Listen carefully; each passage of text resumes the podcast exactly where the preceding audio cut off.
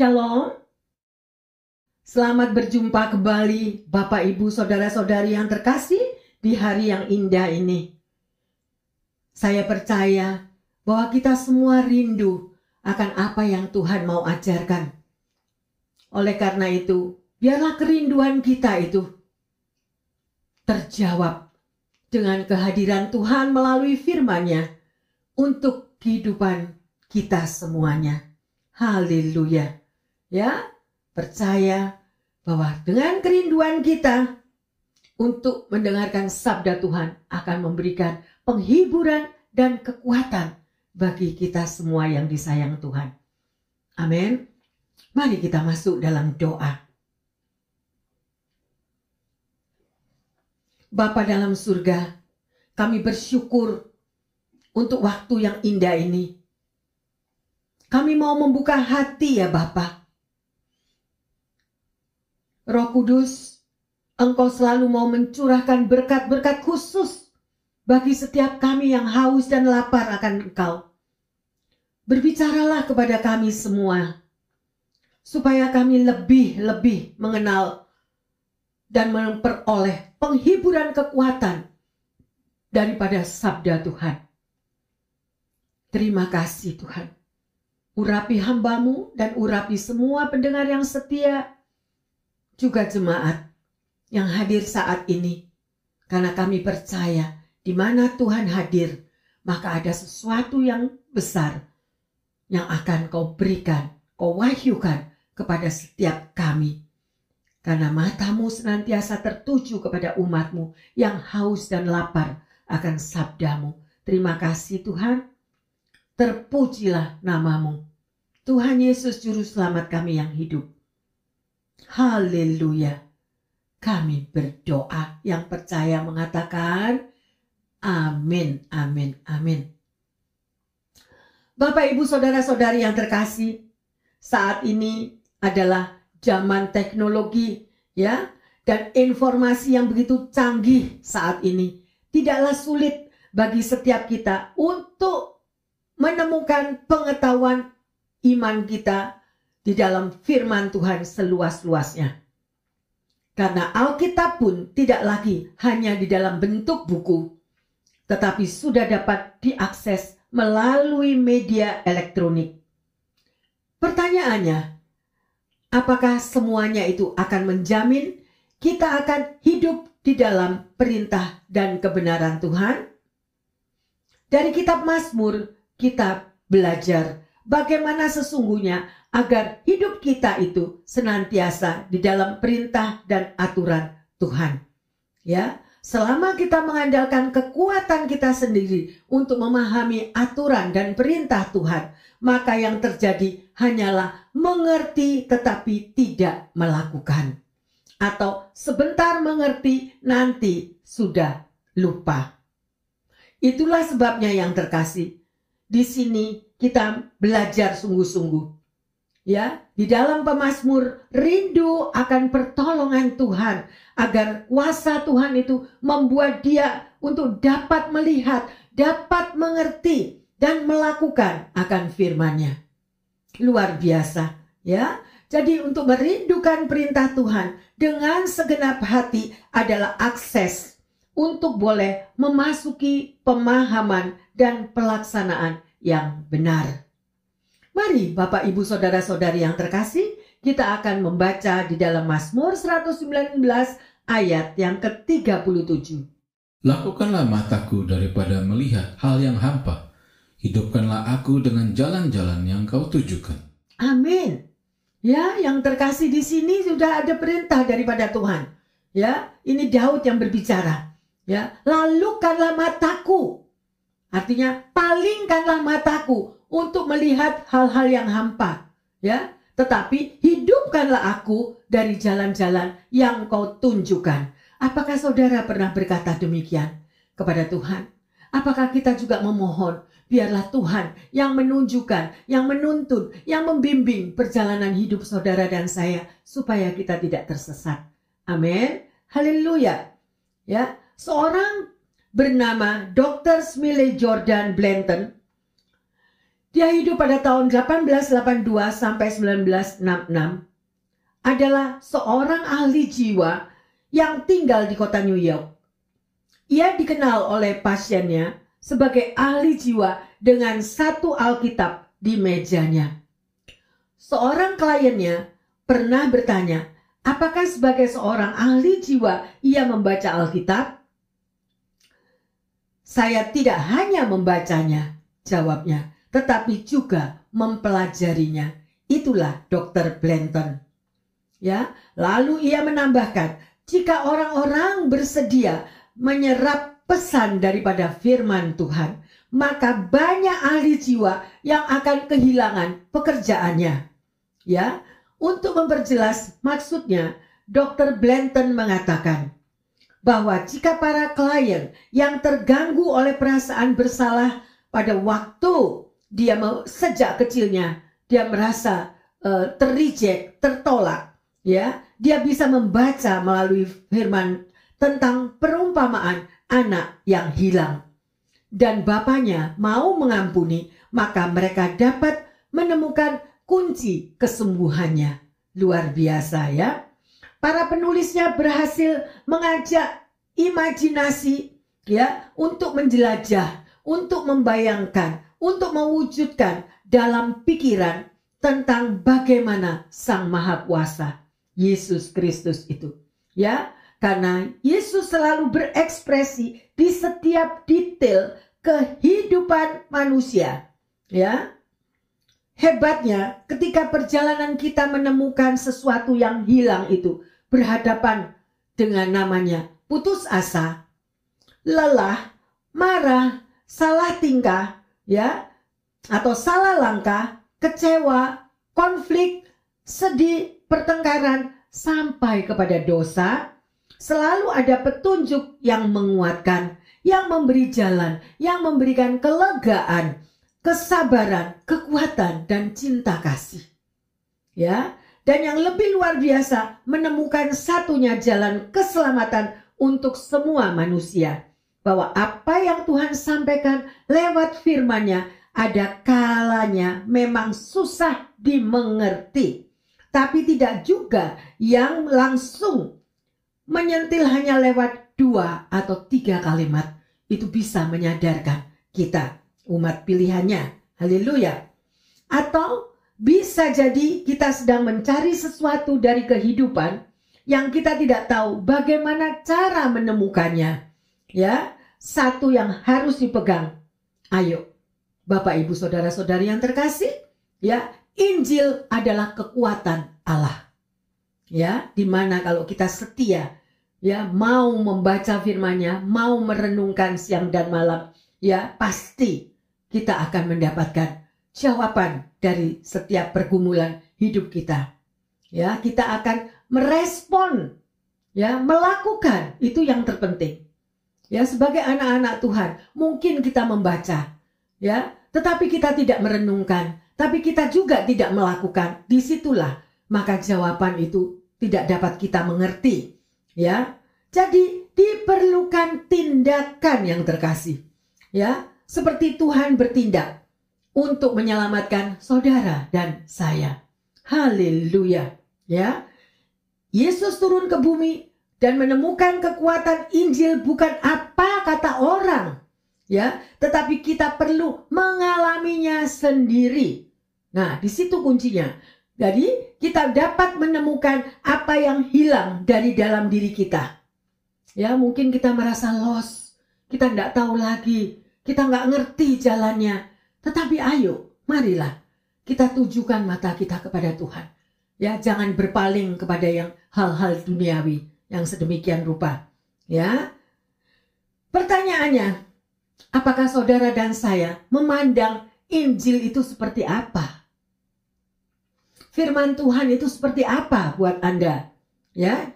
Dan mungkin Alkitab kita itu sudah penuh debu. Karena kita tidak pernah membuka, kita tidak pernah mau membacanya. Ya, dan kapan kita mulai membacanya? Saya berharap dengan Anda mendengarkan firman Tuhan pada sore hari ini, Anda akan mulai lagi timbul semangat untuk mau membaca, mendalaminya, belajar untuk mengerti, pasti Roh Kudus akan mengurapi. Kalau kita berseru, memohon pertolongannya. Haleluya. Sedemikian rupa, ya. Jadi di dalam kerinduan, pemazmur akan firman Tuhan itu ada langkah-langkah yang dapat diterapkan untuk mencapai hidup di dalam kebenaran firman Tuhan. Seperti langkah-langkah yang dimohonkan oleh pemazmur kepada Tuhan. Ayo Bapak Ibu Saudara-saudari yang terkasih, kita akan mempelajari beberapa hal. Yang pertama, kita mau melihat di dalam Mazmur 119 ayat yang ke-33. Perhatikanlah kepadaku, ya Tuhan, petunjuk ketetapan-ketetapanmu. Aku hendak memegangnya sampai saat terakhir. Luar biasa. Jadi yang pertama, pemazmur ini memohon kepada Tuhan untuk memperlihatkan ketetapan-ketetapannya. Ya, di sini saudara bisa baca, perlihatkanlah kepadaku ya Tuhan, petunjuk ketetapan-ketetapanmu. Aku hendak memegangnya. Sampai kapan? Sampai saat terakhir. Nah, bukankah luar biasa yang terkasih? Pada waktu Anda tidak tahu apa yang harus dilakukan.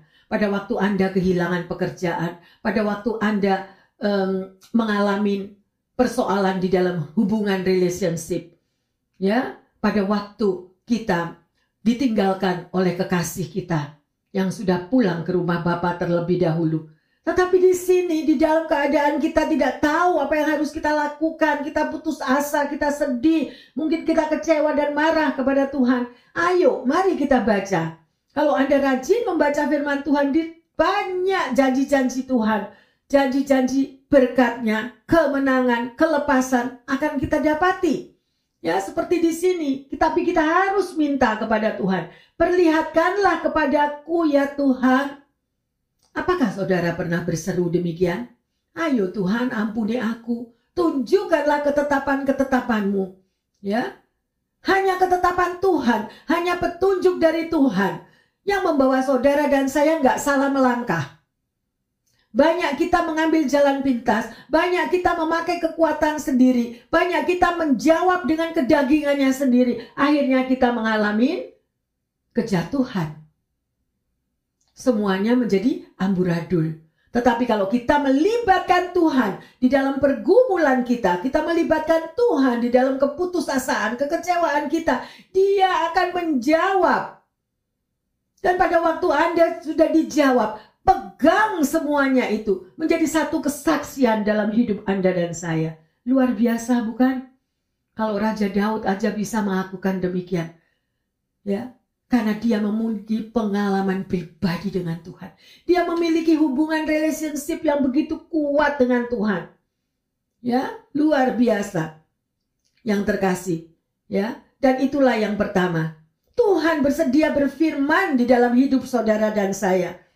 Ya, berapa banyak ayat-ayat di dalam Alkitab yang sudah saudara dan saya baca. Ya, sudah banyak berapa khotbah juga yang saudara udah dengar. Sebanyak apa pun yang saudara sudah dengar, sebanyak apa pun saudara sudah baca, tetapi kalau kita tidak melakukannya, kita tidak merenungkannya, seperti masuk telinga kiri, keluar telinga kanan, semuanya tidak ada artinya yang terkasih. Ayo, dalamilah firman Tuhan dalamilah arti hubungan pribadi dengan Tuhan.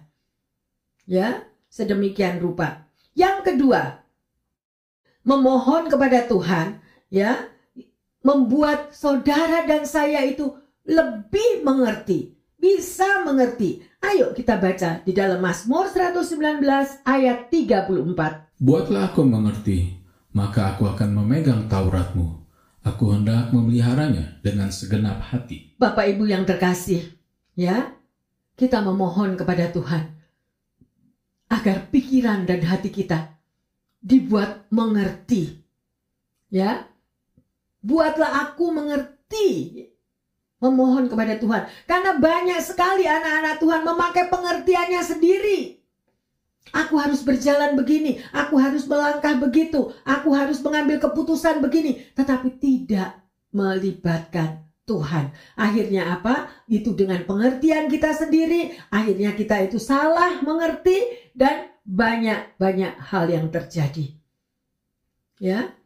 Coba bayangkan di dalam relationship aja antara sesama kita, sesama teman, ya, atau suami istri. Untuk bisa saling mengerti aja itu begitu sulit. Karena pengertian kita belum tentu sama dengan pengertian teman kita. Pengertian suami belum tentu sama dengan pengertian istri. Dan di situlah diperlukan Tuhan di tengah-tengah kita. Ya, sehingga di dalam relationship sedemikian rupa, pengertian yang dari Tuhan itulah yang membawa kita kepada keselamatan. Ada amin? Jadi jangan mengandalkan kekuatan kita sendiri. Ya, firman Allah bukanlah dengan kuasa daging. Artinya apa? Kita tidak bisa mencampurkan firman Tuhan itu dengan maunya kita sendiri. Mauku, mauku, mauku. Atau maumu, maumu. No. Kita mau maunya Tuhan yang terjadi. Ada amin yang terkasih? Haleluya. Ya. Dan yang ketiga, kita memohon kepada Tuhan agar hidup kita menurut petunjuk perintahnya. Loh, menurut petunjuk perintah siapa? perintah Tuhan. Ayo kita baca Mazmur 119 ayat yang ke-35. Biarlah aku hidup menurut petunjuk perintah-perintahmu, sebab aku menyukainya. Amin, haleluya. Kenapa yang terkasih? Ya, kenapa kok kita uh, menuruti petunjuk daripada perintah-perintah Tuhan? Karena kadang-kadang perintah suami kalau hidupnya benar di dalam Tuhan, growing bersama firman Tuhan, pendapat sesuai dengan firman Tuhan, is okay. Ya, tetapi kalau itu perintah-perintah daging yang ada, mauku, ya, atau maumu, ya, maka semuanya akan jadi salah kaprah. Sekali lagi, libatkan Tuhan di dalam segala perkara, ya. Jadi dengarkanlah firman Tuhan, tetapi juga lakukanlah Jangan hanya mendengar saat ini Bapak Ibu yang, tersan, yang tercinta di mana pun Anda berada, Anda mendengar firman Tuhan. Ya, tetapi habis itu hilang semuanya. Ya, jadi tidak ada sesuatu yang terekam di dalam hati dan kita tidak bisa melakukannya, dipraktekkan di dalam hidup.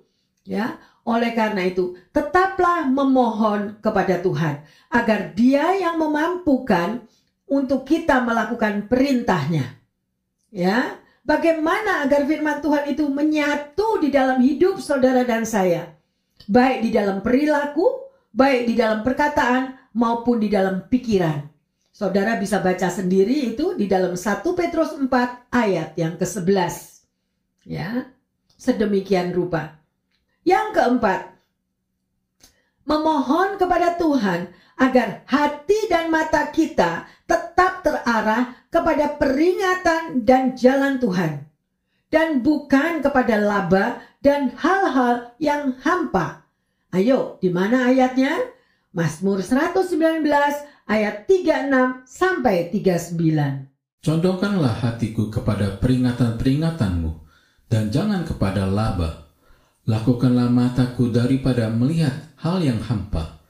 Hidupkanlah aku dengan jalan-jalan yang kau tunjukkan Teguhkanlah pada hambamu ini janjimu yang berlaku bagi orang yang takut kepadamu. Lakukanlah celaku yang mengedakan aku karena hukum-hukummu adalah baik. Ya, di sini nih komplit.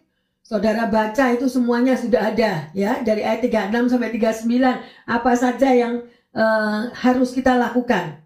Ya, ketika kita membuka lebar-lebar hati kita untuk firman Tuhan, janganlah lupa untuk melakukannya. Yang terkasih, apakah motivasi saudara di dalam mengikut Tuhan?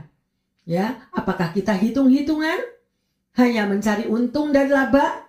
Haruslah kita sadari bahwa iblis juga dengan liciknya akan dapat merusak semua pengenalan dan pengertian kita akan firman Tuhan. Ya, oleh karena itu janganlah kita membuka hati untuk hal-hal yang tidak berkenan, ya. Karena tawaran-tawaran dunia itu membawa anak-anak Tuhan sering terlena. Ya, sedemikian rupa ya. Jadi godaan itu ada di mana-mana. Oleh karena itu sekali lagi pemazmur memohon kepada Tuhan ya, lalukanlah celaku ya, sebab celah yang sedikit dapat merebak menjadi besar. Ya, jadi jangan buka celah. Tetaplah kita meminta pengampunan dosa kepada Tuhan agar kebenaran Tuhan tetap murni dan jernih menguasai hidup saudara dan saya. Haleluya. Pertanyaannya sekarang, mengapa banyak orang meniadakan firman Tuhan dalam hidupnya dan tidak mau melakukan akan kebenaran firman Tuhan itu? Mengapa? Ya, kalau saudara baca sendiri di rumah ada di dalam Ulangan 30 ayat 15 sampai 20. Ya, Anda bisa baca karena di situ tertulis bahwa kutuklah yang akhirnya menjadi bagian dari kita yang tidak hidup di dalam kebenaran akan firman Tuhan. Ya, di situ ada kutuk dan berkat. Orang yang hidup di dalam kebenaran Tuhan akan melakukannya dengan penuh sukacita. Ya. Namun orang yang jauh dari kebenaran akan menganggap suatu beban melakukan firman Tuhan itu. Yang terkasih, Anda juga tahu kalau Anda sebagai pembaca firman Tuhan yang rajin akan isi daripada Mazmur 1. Ya, di situ tertulis bahwa orang yang kesukaannya akan Taurat Tuhan, ya, akan hidup seperti pohon yang ditanam di tepi aliran air dan menghasilkan buahnya pada musimnya yang tidak layu daunnya dan apa saja yang diperbuatnya apa? berhasil. Semoga Anda rajin membaca firman Tuhan dan melihat betapa janji dan berkat Tuhan selalu ada bagi orang yang setia melakukan firman-Nya. Ya. Seorang hamba Tuhan bernama Marilyn Hickey di akhir Desember pada tahun 2012 diwawancara dalam sebuah talk show yang dipimpin oleh hamba Tuhan Sitrot pada waktu itu di usia 81 tahun, hamba Tuhan ini masih giat memberitakan Injil dan KKR di berbagai negara. Salah satunya di negara Pakistan. Ya. Beberapa saat sebelumnya, selain di lapangan terbuka KKR itu diadakan, kesembuhan yang dihadiri oleh kalangan non-Kristen. Dia memberitakan Tuhan Yesus di sebuah masjid di Pakistan. Dan di situ seorang imam pemimpin umat di situ disembuhkan dari kebutaan. Ketika ditanya, apakah rahasia keberhasilan pelayanannya? Dia menjawab, saya selalu memperkatakan firman Tuhan dan merenungkannya. Mata saya selalu tertuju kepada Tuhan dan firman-Nya. Sudah lebih dari 40 tahun saya tetap melakukannya karena saya mencintai akan Tuhanku dan Tauratnya yang luar biasa. Karena di situ ada kekuatan yang sungguh-sungguh mampu menggerakkan mujizat itu terjadi. Sungguh luar biasa Bapak Ibu Saudara-saudari yang terkasih ya. Kita harus menata hati kita dan mata kita untuk mencintai firman Tuhan hauslah akan pewahyuan daripada firman-Nya. Ya, karena firman-Nya itu segar dan dinamis, ya. Dan jangan lupa untuk selalu memperkatakan akan firman itu. Ya. Karena membaca firman Tuhan itu adalah faktor yang penting untuk penentu bagi iman yang membuat kita hidup berkemenangan. Haleluya. Amin. Ya. Firman Tuhanlah juga yang akan menghadirkan iman saudara dan saya dan janjinya akan senantiasa menguatkan di dalam hati dan kepikiran kita. Ya, firman Tuhan ada di hati yang menuntun ya di dalam perjalanan hidup saudara dan saya. Ya, semakin kita melakukannya, kehidupan kita akan selaras dengan kehendak Tuhan. Ya, jadi kita nggak melenceng lagi, hidup terpengaruh oleh dunia, ya, yang membutakan mata kita akan segala tipu daya si jahat, ya, tetapi kita tertuju senantiasa mata kita kebenaran akan yang Tuhan ajarkan, ya. Firman Tuhan juga yang menjadikan kita itu kuat untuk kita terus bertekun sebagai murid Kristus yang setia, berjalan bersamanya sampai kita meraih apa yang telah dijanjikannya. Apakah Bapak Ibu saudara-saudari yang terkasih sudah praktek? Ya, sungguh indah dan luar biasa kuasa daripada firman Tuhan itu. Ya, firman Tuhan senantiasa membangkitkan pengharapan sehingga tidak berhenti melangkah ya dan oleh masalah hambatan apa pun yang datang kita tetap fokus mata kita tertuju kepada Tuhan, tidak menoleh ke kiri dan ke kanan, ya seperti apa yang dikatakan melalui firman-Nya. Ya, karena firman itu sungguh-sungguh merupakan satu rema, firman yang hidup yang mampu menggerakkan iman saudara dan saya. Ya, karena kalau Tuhan yang merancang, maka dia bersungguh-sungguh membuatnya dalam hidup saudara dan saya itu pasti terwujud.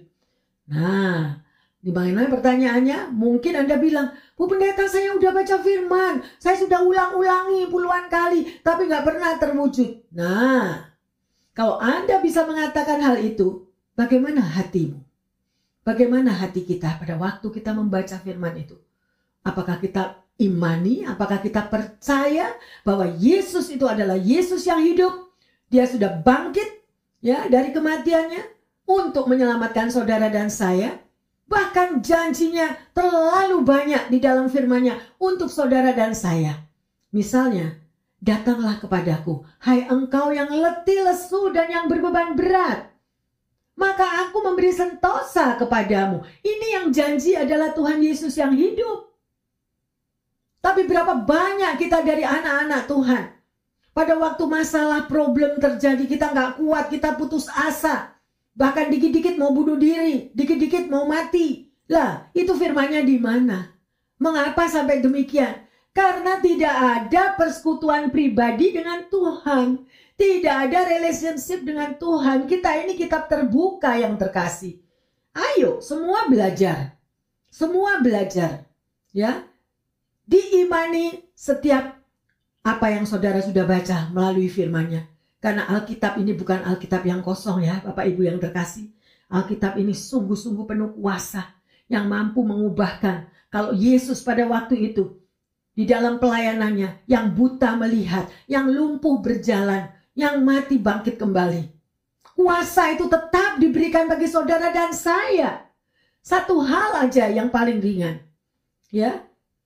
Firman Tuhan mengatakan, domba-dombaku mendengar akan suaraku.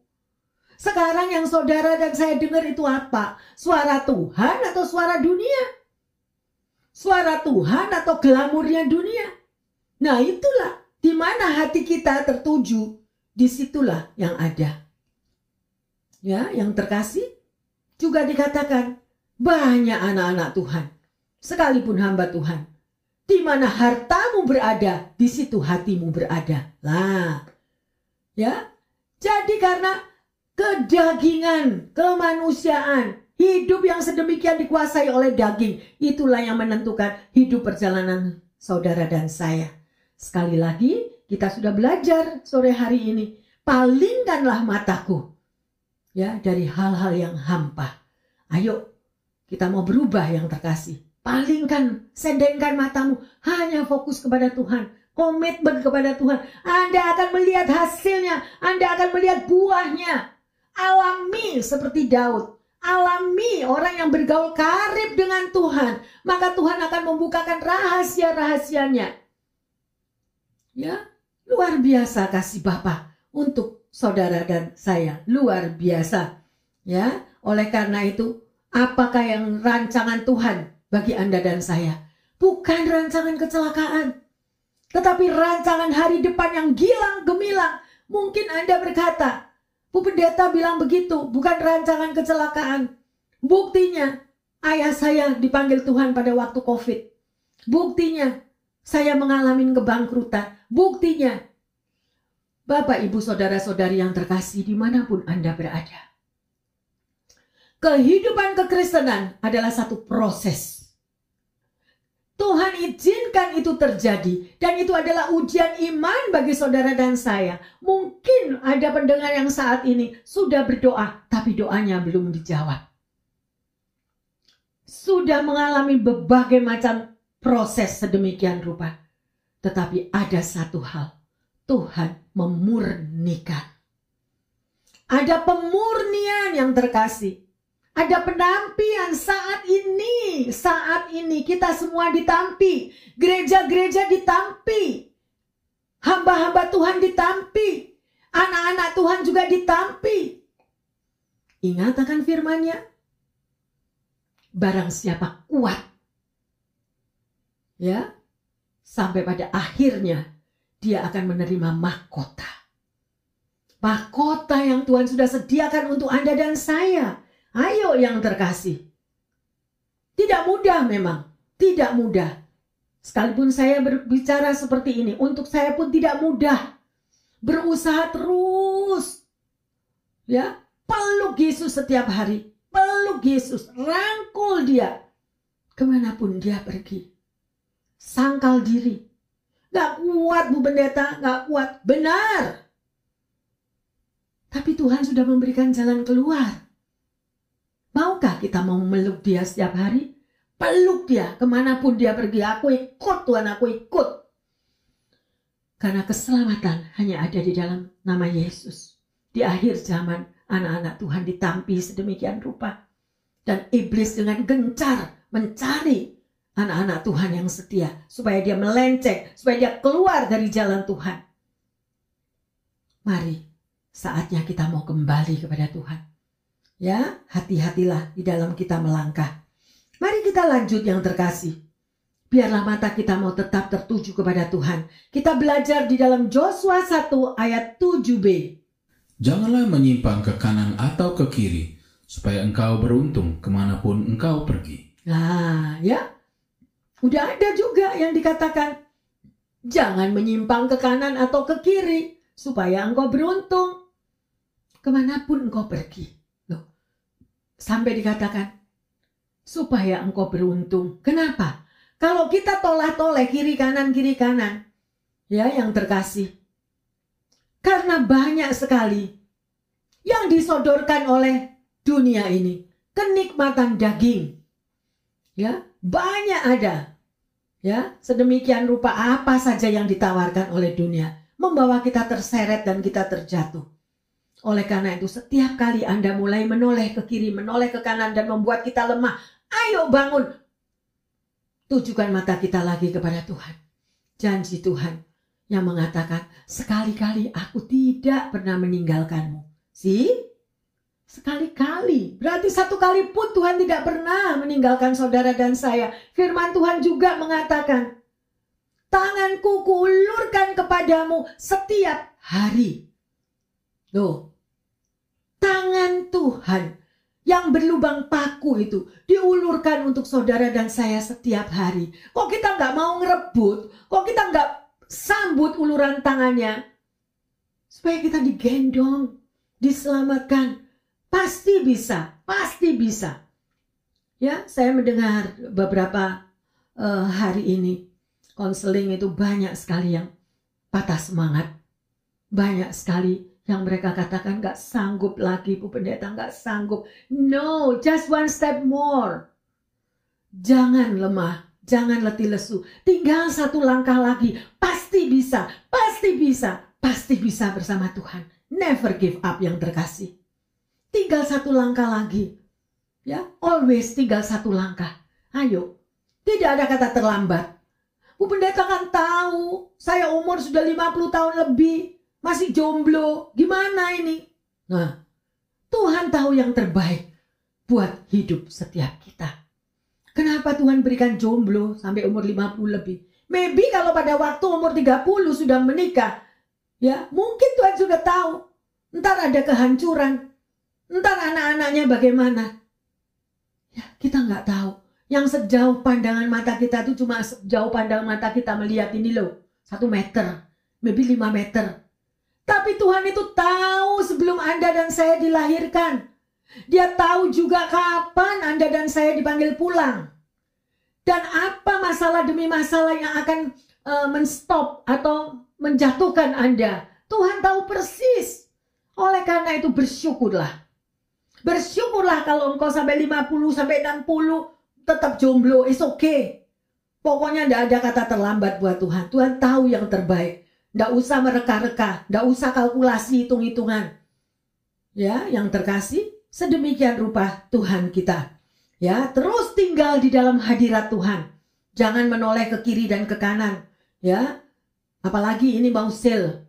Ada sale besar Thanksgiving. Waduh, noleh kiri, noleh kanan. Semua diangkat pakai gerobak. Nah, sih sedemikian rupa itu adalah dunia tawarkan. Tetapi apa yang Tuhan berikan? Keselamatan yang kekal. Kalau Anda mengalami perjumpaan dengan Tuhan, tidak ada damai sejahtera yang melebihi daripada damai sukacita dari dunia nggak ada. Mungkin Anda hari ini bisa dapat hadiah Rolls Royce. Waduh, kita melambung tinggi. Aku jadi konglomerat sekarang. Itu cuma sesaat yang terkasih. Anda bisa memiliki Rolls Royce tapi tidak bisa beli bensin. Tidak bisa beli gas, apa gunanya? Tetapi belilah keselamatan itu. Ambillah tawaran keselamatan daripada Tuhan. Kalau kita mempunyai Tuhan Yesus, Dia yang memeluk saudara dan saya setiap hari, Anda memiliki segala-galanya. Mungkin kita tidak bisa membeli Rolls Royce, tapi damai sejahtera sukacita dari Allah. Itu bertahta dalam hatimu dan hatiku. Ada amin? Luar biasa Tuhan kita. Ayo kita lanjut. Kita sudah belajar ya pada hari ini. Banyak memang pergumulan yang saudara dan saya hadapi. Ya, tetap ber, jangan berpaling daripada Tuhan. Ya, mungkin saudara merasa Tuhan biarin terus sih. Saya dibiarin terus Bu Pendeta sama Tuhan. No, Tuhan tidak pernah membiarkan saudara dan saya. Baca firmannya. Dia, dia tetap ada di dalam hidup Anda dan saya setiap hari. Ya, karyanya yang luar biasa. Percayalah, kalau saudara dan saya mau taat pada setiap petunjuk dan tuntunan Tuhan, maka mujizat demi mujizat, kemenangan demi kemenangan besar akan Tuhan kerjakan secara ajaib dalam seluruh aspek kehidupan Anda dan saya. Bukankah luar biasa? Haleluya. Ayo, pertanyaannya. Yang pertama, sudahkah Anda mengarahkan mata Anda hanya kepada tuntunan Tuhan? Yang kedua, apa yang membuat Anda tidak sepenuhnya mengarahkan fokus kita kepada Tuhan? Yang ketiga, tuliskanlah komitmen yang Anda mau buat kepada Tuhan, ya, supaya pandangan mata arah kita hanya tertuju kepada Tuhan. Sehingga kemenangan di dalam penyertaannya dalam hidup saudara dan saya itu sangat nyata. Amin. Dan di dalam ayat emas, mari kita baca bersama-sama Ibrani 12 ayat yang kedua. Marilah kita melakukan dengan mata yang tertuju kepada Yesus, yang memimpin kita dalam iman, dan yang membawa iman kita itu kepada kesempurnaan yang dengan mengabaikan kehinaan tekun memikul salib ganti sukacita yang disediakan bagi dia yang sekarang duduk di sebelah kanan takhta Allah. Haleluya. Ya, di sini dalam ayat emas ini dikatakan apa yang terkasih? Marilah kita melakukannya dengan apa? Mata yang tertuju kepada siapa? Kepada Yesus. Ya, jangan kepada yang lain-lain. Jangan kepada suami orang, Jangan kepada istri orang, itu sudah bukan daripada Tuhan, tetapi mata yang tertuju kepada Yesus. Haleluya, yang memimpin saudara dan saya di dalam iman dan membawa iman kita kepada kesempurnaan.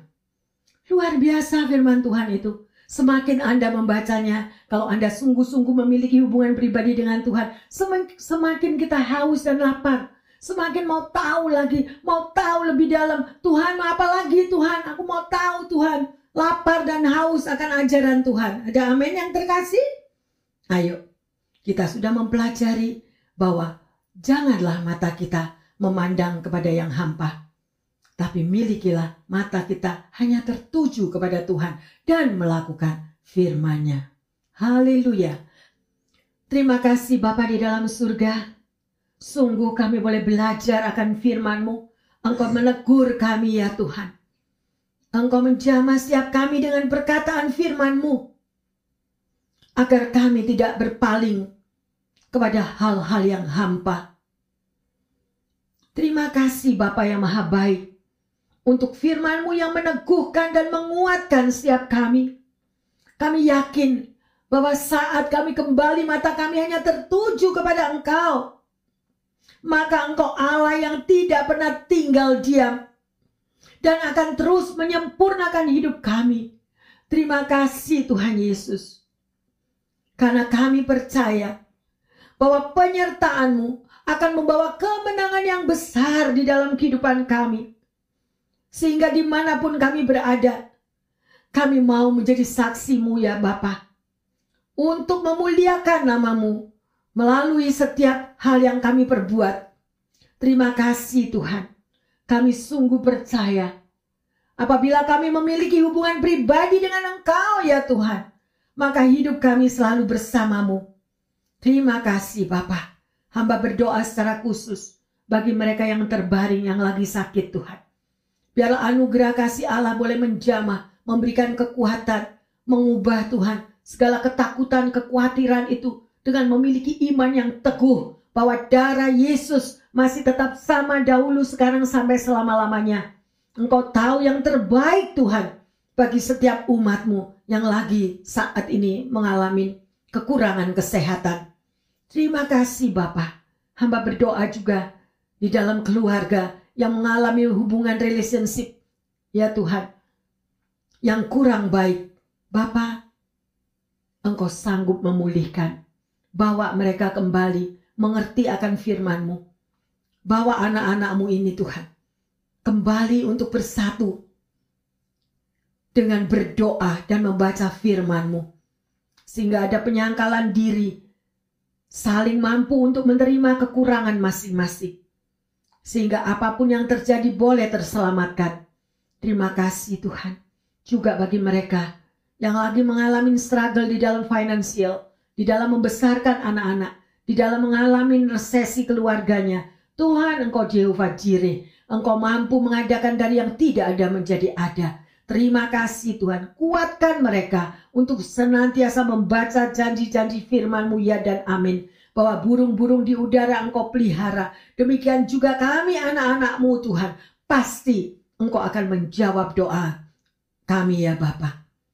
Saat dan waktu ada di dalam tangan Tuhan. Ajarkan kami merendahkan hati kami dan selalu mengucap syukur bahwa di dalam nama Tuhan Yesus ada jalan keluar.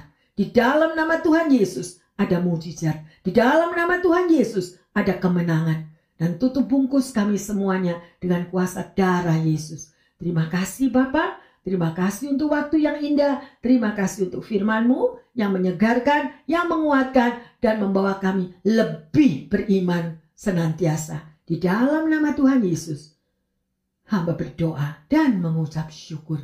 Haleluya. Amin. Bapak, Ibu, Saudara-saudari yang terkasih, ya, mari arahkanlah pandangan mata kita selalu kepada Tuhan. Ya, jangan menyimpang ke kiri dan ke kanan. Maka saudara dan saya akan dituntun, akan disertai dan pasti kemenangan yang besar terjadi di dalam kehidupan setiap pribadi. Haleluya. Tuhan Yesus memberkati semuanya. Amin.